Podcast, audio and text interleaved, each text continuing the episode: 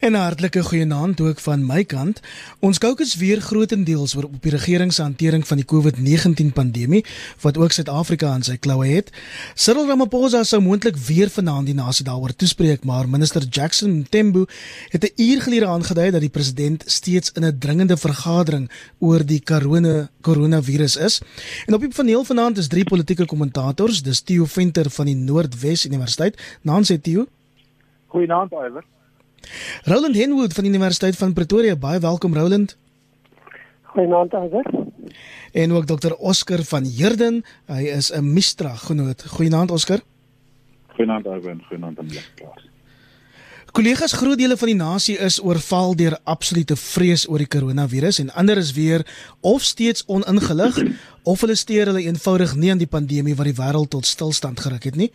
En dit dit lyk my ehm um, of meneer Ramaphosa se besluit om nou eers môre die land toe te spreek tot verdere paniek minstens op sosiale media lei. Terwille van die groter konteks, waaroor gaan die vergadering wat tans nog onderweg is en wat is jou verwagte uitkoms daarvan, Theo? Die vergadering ehm um, gaan oor watter maatreëls moet die regering addisioneel instel of verder uitbrei in terme van die rampbestuurwet. Ons is nou in 'n in 'n noodtoestand nie in terme van veiligheidswetgewing nie, maar in terme van die rampbestuurwet. En die rampbestuurswet is 'n baie omvangryke wet en dis een van die wette wat uh, in die laaste 20 jaar of wat geïmplementeer is en een van sy groot voordele is die rampbestuurwet laat die regering toe om proaktief op te tree terwyl veiligheidswetgewing tipies reaktiewe wetgewing is. Nou die proaktiewe wetgewing beteken uh ons kan grense toemaak, ons kan beweging van mense beheer. En nou is die vraag met waar die uh COVID virus, die COVID-19 virus nou by ons is hier by 200 240 bevestigde gevalle is ons nou al besig om in die eksponensiële groeikurwe in te beweeg of is ons nog besig om stadig maar seker aan te beweeg en ek dink ons is omdat ons op daai kom ons noem dit keerpunt is, daai kantelpunt. Ehm um, wil die regering nou besluit en en die regering sit met sy hande in sy hare in 'n sekere sin. Ehm um, die weermag uh, in terme van die dokumente, die staatskoerant wat afgekondig is Dinsdag of Woensdag is die weermag die een instansie wat nou ehm um, uh, opgeroep kan word om te help met die noodtoestand. En ek dink ehm um, mense wat dit nou moet implementeer besef nou wat is die nadeel daaraan om die destydse kommandos en die groep hoofkwartiere en alles af te skaf want ek dink nie ons weermag beskik oor die infrastruktuur om landwyd saam met die polisie ehm um, die land in 'n in 'n in 'n situasie te sit wat eintlik deur die wetgewing ehm um, vereis word en ek dink dit is waarom hierdie ehm um, vergadering so lank duur en natuurlik um, dit word ook gehou in oorleg met die privaat sektor en alles wat daarmee saamgaan. Oscar in 'n land soos Suid-Afrika roep die woorde noodtoestand, weermag. Ehm um, dit bring beelde op van van amper vergete tyd in Suid-Afrika in ons geskiedenis wanneer die president nou môre moontlike verdere ingrypings oor COVID-19 aankondig. Wat is jou verwagting? Of miskien moet ek dit vir jou so stel, wat wil jy op hierdie kritieke tydstip van die regering hoor? Uh, dankie oor uh, kyk nee jy het reg die, die laaste keer uh, wat ons hoor van 'n noodtoestand in Suid-Afrika was natuurlik in 1989. Ehm um, en so uh, wie het gedink dat in 'n demokratiese Suid-Afrika sal ons weer eens in 'n noodtoestand sal ons self bevind, maar dis nou hoe dit is met die COVID-19. Ehm um, kyk, ek dink eh uh, dat daar soos ons almal weet, daar's twee benaderings wat wat alle regerings wêreldwyd vat in terme van die COVID-19 krisis. Ehm um, en dit is eerstens om te probeer om die virus te bekamp. Ehm um, gegee die mediese eh uh, uh, planne en dis meer en ek dink uh, president Ramaphosa het wel die eerste aspek aangespreek tot 'n mate. Ehm um, en dan tweedens uh, sien ons nou dat gegee die feit dat die COVID virus ehm um, so wyd versprei is.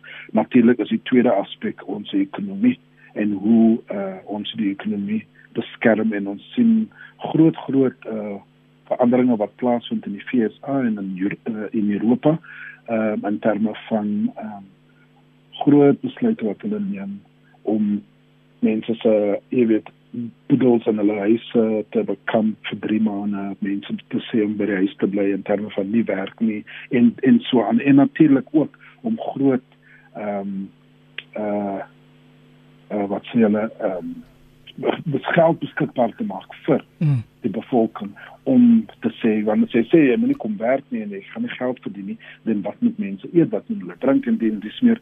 So uh, jy weet in die FSA sê hulle 1000 dollar per persoon ehm um, sekere uh jy weet sektors in in die bevolking en natuurlik in in Duitsland en ander lande in Europa uh, het hulle dieselfde gedoen. Ehm um, en die vraag natuurlik is wat is dit wat ons kan doen hier in Suid-Afrika gegee ons hoë vlakke van armoede.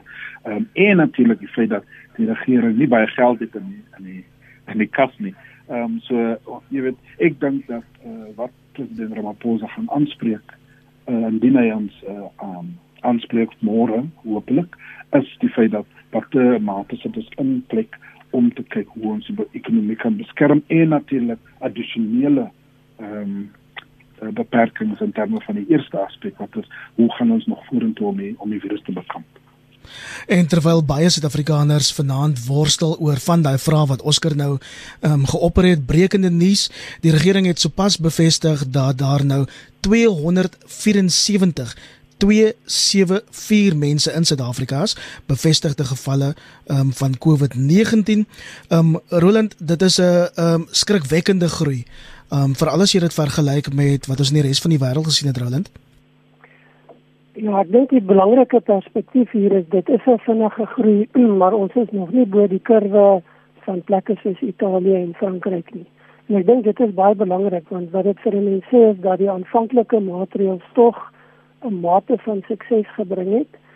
Ek dink die groot fokus is eerstens hoe bestuur jy hierdie proses om te keer dat die virus te vinnig groei. En die keer van vinnig groei is baie belangrik want dit plaas te veel druk op die gesond nasionale gesondheidstelsel. En dit is waar 'n groot leemte lê in Suid-Afrika. So om die groei te beperk en die proses te verstadig. Veral as ons kyk na wat het gebeur in plekke soos Iran, China aanvanklik Italië wat 'n baie belangrike fokuspunt is in terme van goed wat werk en nie werk nie.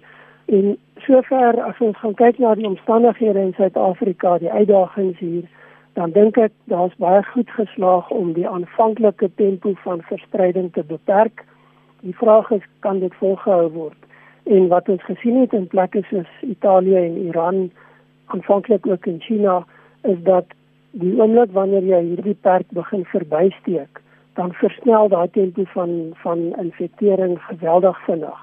En dit is belangrik om dit te beperk. So ek dink die die rede vir die um, vergadering en waarskynlike aankondiging van die president gaan grootliks sentreer rondom tot watter mate is ons binne die beplande en ek noem dit beplan in die sin van nie dat die regering dit met opset doen nie, maar hoe bestuur hy die proses in terme van die beplande um, verspreiding of vermenigvuldiging van geïnfekteerde gevalle.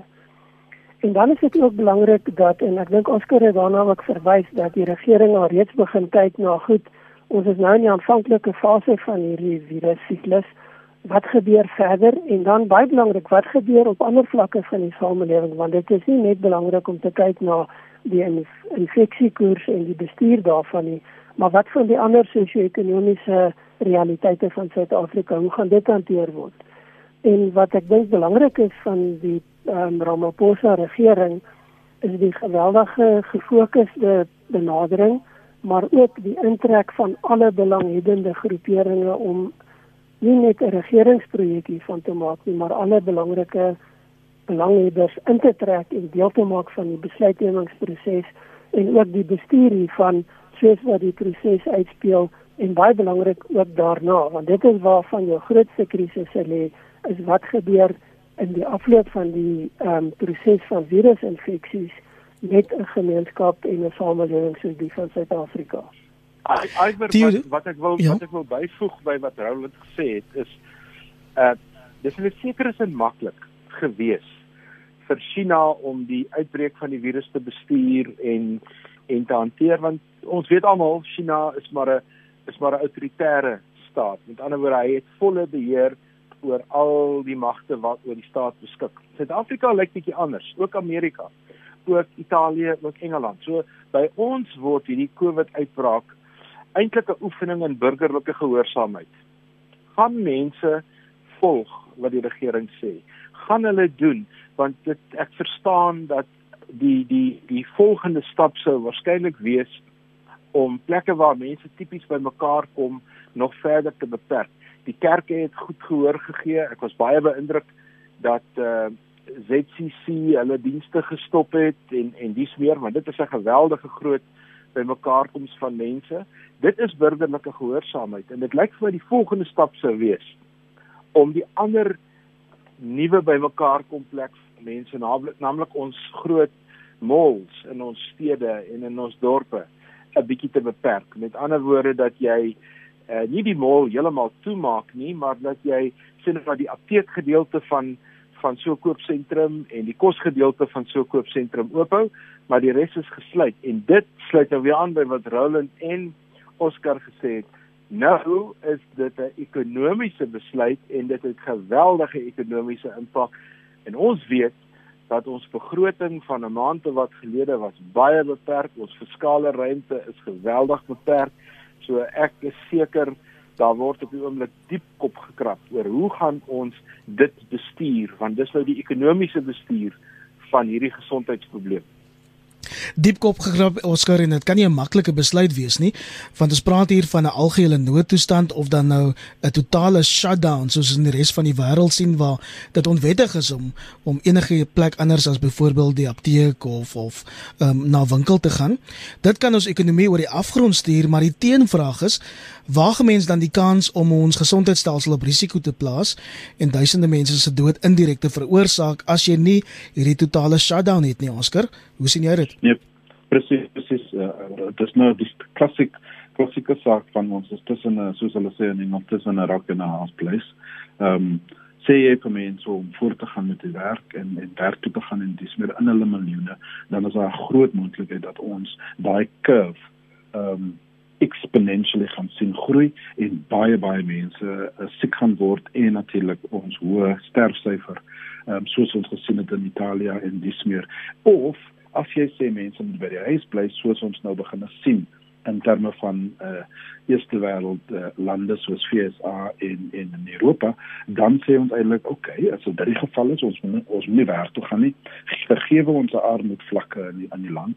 Wat dan gaan die regering op die tafel kan sit ehm um, en jy weet ek dink dis dis 'n situasie waar uh, en ek nie heeltemal seker of inderdaad die kabinet en die president in hierdie rigting en dink nie of hulle uit die boks uit dink nie want um, dit gaan wel uh, tot 'n punt kom waar hulle moet sê kan ons dit bekostig om 'n stimuluspakket um, te te te, te voor in dag te bring wat hoeveel geld gaan ons aan daai stimuluspakket gee. Ek hoor wat Theo sê en as die waarheid. Ons is maar baie beperk in terme van ons begroting en en, en so voort maar ek dink dat gegee die noodgeval kan die tesourier en die minister van finansie natuurlik geld bietjie rondskuif. Hulle kan inderdaad um, geld vat van departemente en sê ons gaan reprioritiseer en so voort. Maar jy weet dit is alles van is daar die political will. En dit is die groot vraag. As ons nog steeds gaan ehm um, sê dat ek die krisis is so groot nie. Ons praat maar nou net van 274 soos jy self gesê het oor die die die huidige syfer ehm um, ons weet en ons kan sien wat gebeur het in ander plekke van in die wêreld ehm um, in 2 3 weke tyd gaan daai nommer moontlik 3 4 5 keer hoër wees. Ehm um, ons weet nie of ons mediese uh, uh, uh, instansies dit kan hanteer nie. En so ek dink daar's 'n groot groot taak wat voor uh, president Ramaphosa se se se deur lê en en die manier hoe hy dit hanteer oor die volgende 2 weke gaan natuurlik sy uh, leierskap uh, beklemtoon en en sê uh, jy weet hy wil altyd mos maar gewees het soos 'n Mandela en dit is nou sy tyd om om te wys. Kan hy daai daai baie baie moeilike besluite neem in terme van wat ons nodig het. 'n Stimulus of ons kan ek jou per maand vir mense en so aan. Ehm um, anders van ons 'n groot groot krisis uh, het. Kom ons hoor wat jy sê en dan kom ons na jou toe Roland. Ja. Ek wil net by Oscar vra. Kyk, die virus se uitbreek was in die noordelike halfrond rondom die 40ste breedtegraad waar dit op die oomblik winter is. Dis somer by ons. En as ek nou reg verstaan, dan is hitte nie noodwendig waarin hierdie virus gedei nie. Ehm um, en as mens ja. nou na al die suidelike halfrond lande kyk, Australië, Nieu-Seeland, Suid-Afrika, Argentinië, Chili, daar is uitbrake, daar is voorbeelde, maar dit neem nie op dieselfde tempo toe as in die noordelike halfrond nie. Is ons is ons nie bevoorreg in 'n sekere sin om nou in die somer te wees wat ons eintlik 'n bietjie tyd gee om voor te berei en dat ons probleem eintlik lê in Mei, Junie en Julie van 2020. Ek wonder maar net hardop. Ja, dis natuurlik nee, 'n wetenskaplike vraag, maar ek moet vir julle sê daar's ook baie navorsing van 'n wetenskaplike navorsing wat sê dis no nie noodwendig ehm um, die geval nie. Die feit dat ons in die somer is, ehm um, gaan ons nie noodwendig beskerm nie. Ehm um, As ons na jou toe kan, kan gaan Roland, ons regering het hierdie week heelwat nuwe regulasies ingestel byvoorbeeld deur van Fopnuus oor die koronavirus se misdaad te maak, by inkomste van meer as 100 mense te verbied behoort die staat individuele regte op so vlak in te perk. Ehm um, en ek moet vir hulle ook sê brekende nuus op die oomblik uit Duitsland is dat dit nou onwettig is as meer as 2 mense op 'n slag bymekaar is. Dis die dis die vlak waartoe dit um, afgeskaal word. Ehm um, jou reaksie daarop Roland? Ja, ek dink dit is heeltemal geregverdig. Mense moet hier 'n balans gaan trek tussen individuele regte en die regte van die groter gemeenskap. En 'n individuele reg kan in sulke omstandighede nie outomaties meer weeg as die belange van die groter gemeenskap nie. Ek dink wat baie belangrik is as 'n mens gaan kyk na die regulasies is dat dit baie spesifiek is. Dit gaan spesifiek oor die koronavirus. Dit gaan nie oor mense se ander regte en vryhede en byvoorbeeld die vryheid van assosiasie en die vryheid van kommunikasie of van idees nie. Dit gaan spesifiek oor dade wat verband hou met die koronavirus. En ek dink die belangrike hiervan is dat dit 'n belangrike poging is om te keer dat daar fotnuus uitgestuur word wat mense gaan bang maak, wat mense gaan op hol jaag en wat mense gaan laat optree soos wat ons al reeds tekens van gesien het nie net in Suid-Afrika nie, maar in die res van die wêreld. So dit is heeltemal geregverdig. Ek dink dit is verantwoordelike regering en ek dink dit pas heeltemal in by die konstitusionele konteks van regte en van wat 'n regering in Suid-Afrika moet doen. Die vraag natuurlik is of die gemeenskap sy verantwoordelikheid opneem en of individue hulle verantwoordelikheid opneem. En ek dink dit is waar die ja. volgende fase van besluitneming gaan inpas. Ons sien nog steeds te veel mense wat op plekke rondbeweeg in getalle wat nie sin maak as jy kyk na wat in die res van die wêreld gebeur nie. Dis asof daar tog baie mense 'n bietjie van 'n ek wil nie sê onverskilligheid nie, maar 'n ampere idee van wel dit is nog nie so erg nie of dit gaan nie by ons so erg wees nie. En dit is hierdie tipe van reaksies wat 'n regering gaan loop om strenger optrede te neem, om strenger en meer beperkende maatreëls in te stel. Ek dink die wat ons nie die oog moet verloor nie, die eerste doelwit van Suid-Afrika moet wees om die proses van verspreiding van hierdie virus so stadig as moontlik te maak ons het nie die infrastruktuur om groot getalle siek mense te kan hanteer nie. Ons moet daaroor baie eerlik wees.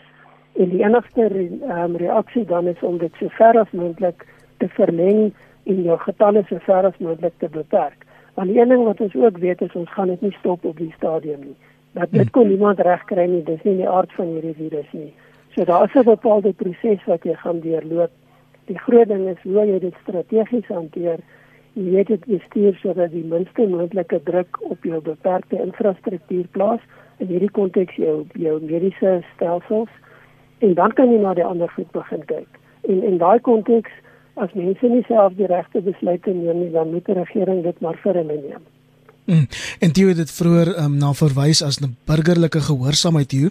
Tot 'n mate ja. kan 'n mens dalk miskien verstaan dat baie Suid-Afrikaners hulle nie steur aan selfisolasie nie, want Suid-Afrikaners word op hierdie stadium gevra om hulle ekonomiese, hulle sosiale lewens in te perk op grond van 'n gesiglose virus, jy weet. Dis 'n dis 'n dis 'n bitterpil, 'n moeilike ding vir meeste mense om te sluk. Ehm um, die vraag is ook die doen ons genoeg om te sorg dat die boodskap by die regte plekke uitkom? Ek ontmoet steeds mense wat nie media gebruik soos 'n mens dink nie en weet net vaag weggehoor dat daar 'n probleem is. Ek dink stadig maar seker gaan die boodskap deursyfer. Dis nie iets wat onmiddellik gebeur nie. Ek het reeds waargeneem dat daar uh, in die omgewing waar ek beweeg het Saterdag middag minder mense op straat was dat uh, byeenkomste outomaties kleiner is. Ek en Roland wat albei aan universiteite verbonde is, um, ons instellings is gesluit. Ehm um, en en dis 'n interessante deel van wat ons nou beleef. Ons sien gedragspatrone wat besig is om te verander. Ons sien voor ons oë in dae en in weke dat waarskynlik gaan onderwys nooit weer dieselfde wees na die virus as voor die virus nie die gebruik van elektroniese media. Ehm um, ek wil nie sê dit verander radikaal nie, maar uh erns tussen wat ons gehad het en wat ons nou begin doen, gaan die nuwe normaal wees na hierdie virus. So hier gebeur baie interessante dinge. En virusse woed in self gewoonlik uit wanneer sosiale gedragspatrone verander. HIV is 'n uitstekende voorbeeld. Die HIV-infeksie het in die populasie toegeneem tot omtrent so 26 na 27% en toe het hy afgeplat. Hoekom het hy afgeplat? Nie omdat die pille beter was nie. Mense het hulle gedragspatrone verander want hulle kan rondom hulle sien wat gebeur en ek dink hierdie virus is uh, neem presies dieselfde veld af. Wat my bekommer in terme van burgerlike gehoorsaamheid is ek sien ongelukkig by plaaslike regering mense wat nou eintlik die virus misbruik in vir opportunistiese redes om te betoog. Potchefstroom hierdie week was 'n voorbeeld oor water. Ander baie geldige kwessies, maar die betoging, die opkoms was onverskillig om Roland se woord te gebruik. Ek dink Nehawu beoog soortgelyke goed. Dis nie nou tyd om groot groepe mense in die strate bymekaar te kry om te betoog nie. Dis onverskilligheid. Oscar, ek wil 'n klip in die bos gooi. Ek kry heelwat terugvoer op hierdie oomblik van luisteraars wat sê, "Hoekom klop ons die regering op die skouer? Ons het nou amptelik meer gevalle as wat Italië byvoorbeeld na 3 weke gehad het. Dink jy ons president en ons kabinet, ons regering verdien 'n um, krediet vir die wyse waarop hulle tot dusver gehanteer het of nie?" Nee, definitief. Ek ek dink ek dink almal sal saamstem. Ehm um, daar was definitiewe leierskap wat gewys was uh, deur die president en die kabinet. Die feit dat ons 'n spesiale uh, ministerial komitee het wat daagliks op hierdie situasie uh, op, op hoogte bly van die situasie en so aan. Ehm um, die feit dat ons werkliks nou uh, letterlik weekliks uh, kyk vir aan uh, jy weet toesprake van die president om ons te sê wat is die die die nuutste en so voort. En ons wag nou um, môre weer eens om te hoor wat is die die nuwe beperking. Jy weet gegee die feit soos Theo self sê gegee die feit dat ons nou al hierdie ehm um, sosiale media en en tegnologie het en so aan ons me mense is bewus wat gebeur in ander gedeeltes van die wêreld. Hulle weet presies wat gaan aan in in Europa en Italië en die groot sterfsyfers en so voort.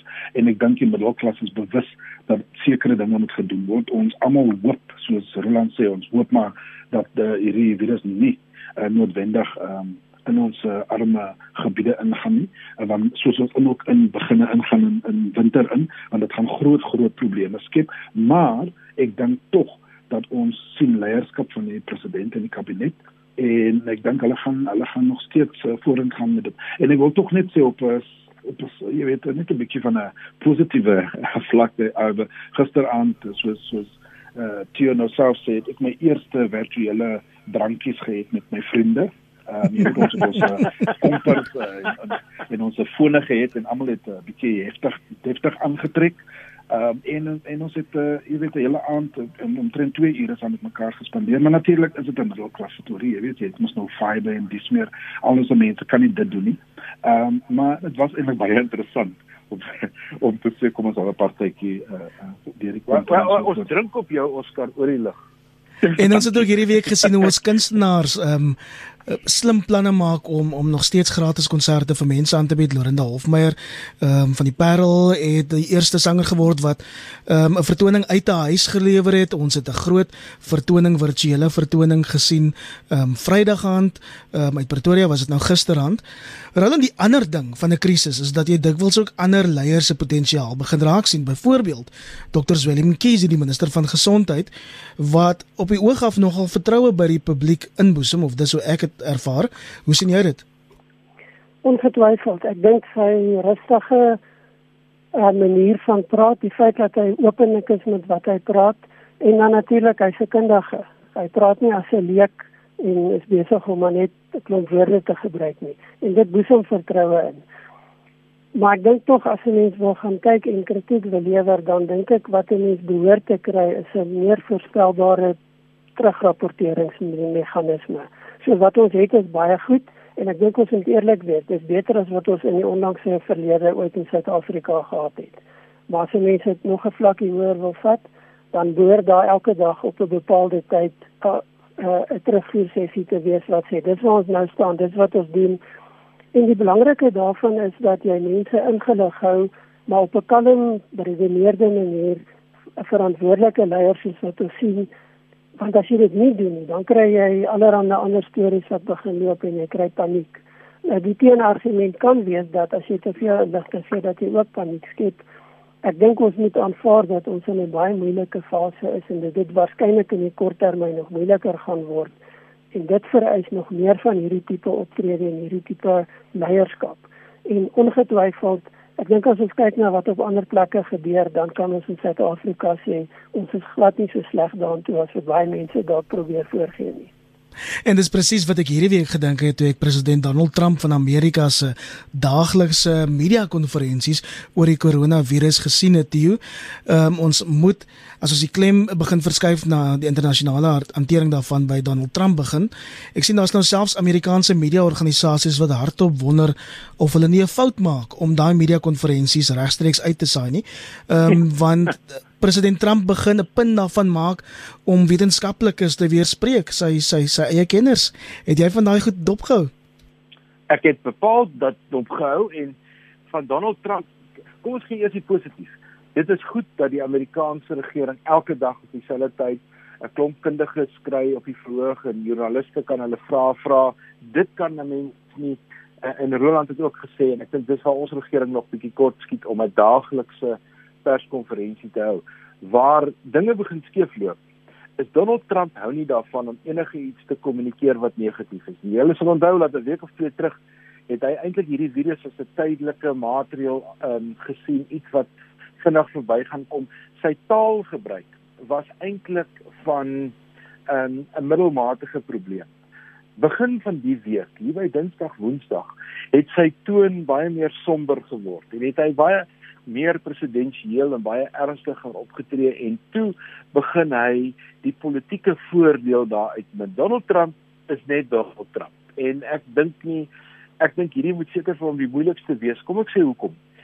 Donald Trump se verkiesing in November maand word gebou op die beginsel dat die Amerikaanse ekonomie stewig is dat hy voortstuur dat die met die Amerikaners beter gaan as ooit.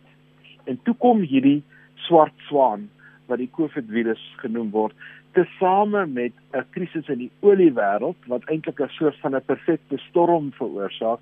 En as jy mens nou na die ekonome luister en jy kyk na die langtermynvoorspelling, is die wêreld eintlik in 'n dilemma vir die volgende 12 tot 18 maande en dit mag wees dat in November maand lyk die Amerikaanse ekonomie baie minder goed as wat dit op die oomblik lyk.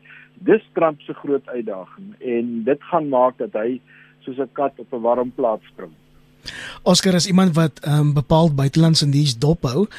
Ervaar jy ook dat die verkiesing in Amerika, opkomende verkiesing, 'n COVID-19 verkiesing kan word en en ook dat Joe Biden nou skielik groter geloofwaardigheid en steun begin kry oor die manier waaroor hy inteendeel, weet, in kontras met met president Trump oor die virus praat en dink?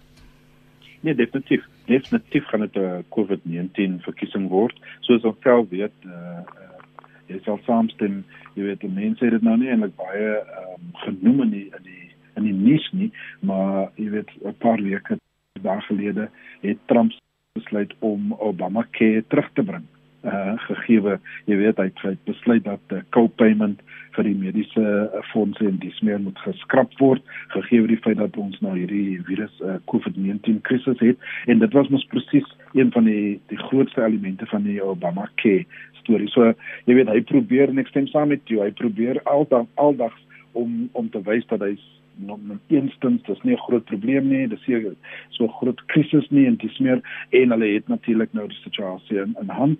Ehm um, ek dink hy plaas geweldige druk op 'n uh, som van hulle ehm uh, uh, pharmaceutical uh, uh, companies en so voort om te sê hulle moet hulle moet vir 'n dag kom in 'n vaksin want hy wil graag die persoon wees wat gaan sê ek red die wêreld en, en hier is die vaksin en dis meer.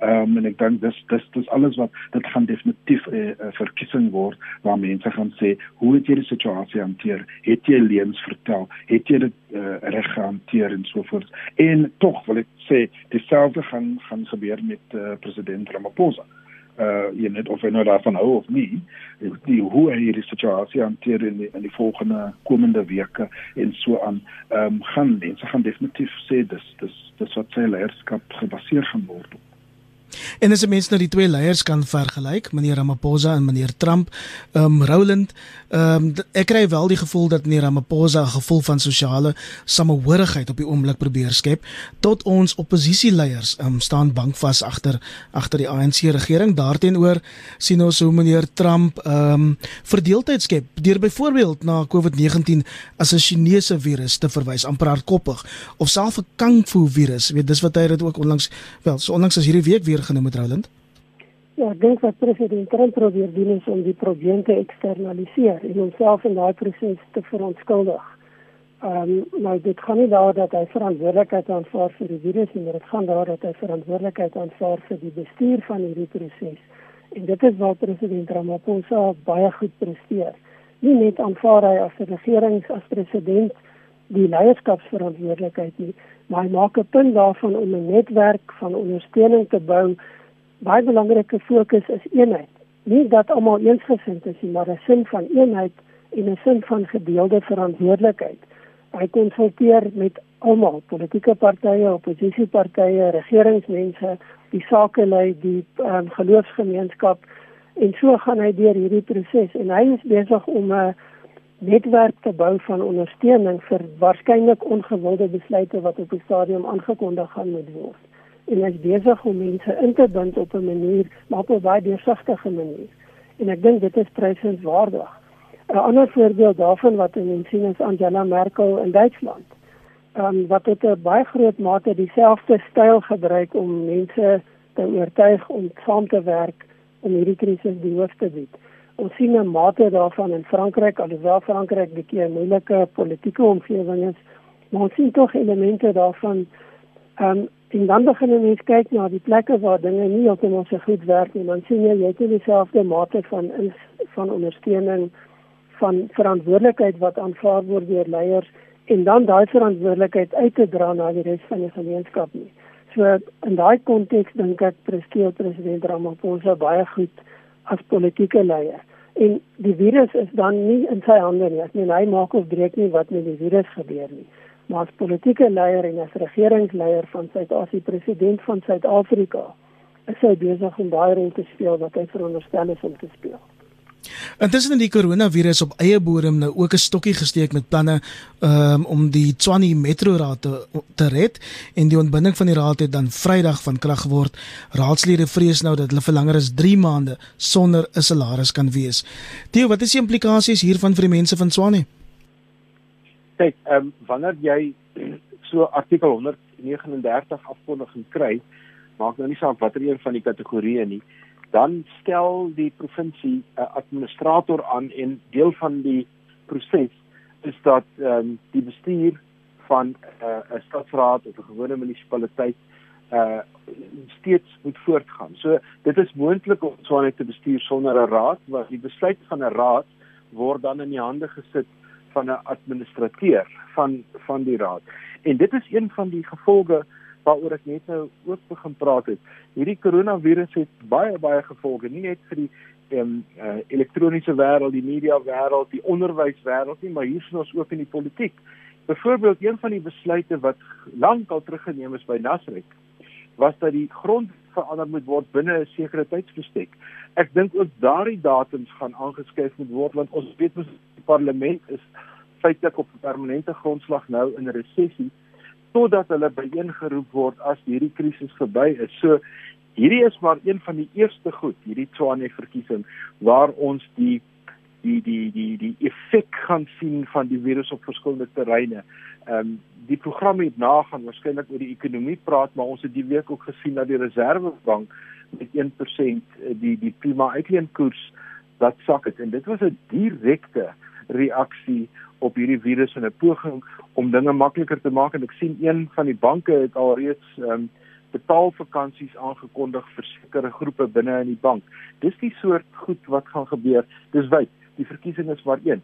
En ek boonbehalwe Swane is 26 tussen verkiesings uitgestel in in ander um, dorpe en stede wat wat nou moes plaasvind want 'n verkiesing is presies 'n bymekaar komplek van 'n klomp mense naby beweeg. Jy moet iemand se vingerafdruk kry, jy moet iemand se ID-boek ondersoek, jy moet uh, by iemand 'n vorm teken. Al hierdie soort van goeters ehm um, is nou is nou is nou besig om te verander. Ek bedoel die verandering van gedragspatrone. As jy by 'n bekende winkel kom waar mens kry nuusware koop, dan moet jy jou hande eers skoon spuit. En dan hmm. moet jy besluit, gaan ek aan die trollie se handvatsel vat of gaan ek 'n mandjie optel of wat gaan ek doen? Al hierdie goeters speel jy almal se koppe. Oskar het ook net nou gesê, selfs op die laagste vlak. Ek het van 'n swart verpleegster 'n oproep gehad ehm um, wat nou al afgetree het om vir my te vra oor hierdie koronavirus. Hoe ernstig is dit? Moet hulle dit ernstig opneem? Hulle is bitter bekommerd hieroor. Nee wat, hierdie boodskap is deur tot onder op die grond. Oscar, intussen voel dit vir die meeste mense asof ons nie lig hang want niemand weet regtig hoe lank dit gaan vat vir hierdie ding om uit te speel nie. Dit dit kan etlike maande duur. Nee presies en, en dis dis een van die dinge wat ons hoop uh, die president gaan vir ons uh, rigting gee. Ehm um, ek dink soos jy vroeër vir my gevra het wat wat presies wil ek sien. Ek dink dat ons uh, moet praat van 'n totale lockdown oor die volgende 3 weke uh, sodat ons kan seker maak dat daai kurwe soos ons weet nie te skerp groei nie. Ehm um, dis dit gaan baie moeilik wees vir so 'n lockdown, maar die president sal vir ons moet sê wat 'n uh, maatreëls hulle in plek sit uh om te om te sê as ons nou nie werk toe gaan nie en, en mense word verwag om werk toe te gaan nie die skole is toe die universiteite is toe en dis meer wat dan gaan ons doen om seker te maak dat mense het 'n bietjie geld in hulle sak um, om kos en dis meer te kan koop en so voort. So dit's 'n baie baie groot vraag. Um, ons is nie 'n baie ryk land nie. Ons kan nie doen wat Duitsland en die VS en dis meer doen nie maar tog voel ek dat mense dat daar 'n stimuluspakket uh, uh, moet word uh, ge, uh, beskikbaar gemaak word uh, in die, in in terme van soort van 5 jy weet daar's verskillende syfers wat in die ronde gaan maar meer van um, om 500 miljard rand ehm um, waar die tesourier en en finansies ehm um, die die minister moet begin reprioritiseer en geld in die ronde skuif en so aan. Ehm um, en dit kan op jy weet dit kan in verskillende mate uh uh, by mense kom. Ons kan sien kom deur die die die die grantstelsel en dit kan moontlik 'n temp, uh, temporêre uh uh wet instel wat sê ons gaan vir mense 'n bietjie geld gee en dis meer maar iets moet gebeur. Uh, ongelukkig uh, anders gaan daar groot groot sosiale ophewing wees uh, in in sekere gedeeltes van die land. Iets moet gebeur en iets moet gou gebeur, maar ongelukkig het die tyd ons ingehaal vanaand hier op kommentaar. Baie dankie dat julle ten spyte van self-isolasie saamgepraat het. Theo Venter van die Noordwes Universiteit Nancy Theo. Goeienaand almal. Roland Henwood van die Universiteit van Pretoria. Dankie Roland. Dankie Iver. Goeienaand vir almal. Altyd te voorreg Dr. Oscar van Heerden. Dankie Oscar. Baie dankie vir en goeienaand aan die luisteraars. Veilig bly, bly asseblief by die huis. Mooi week verder.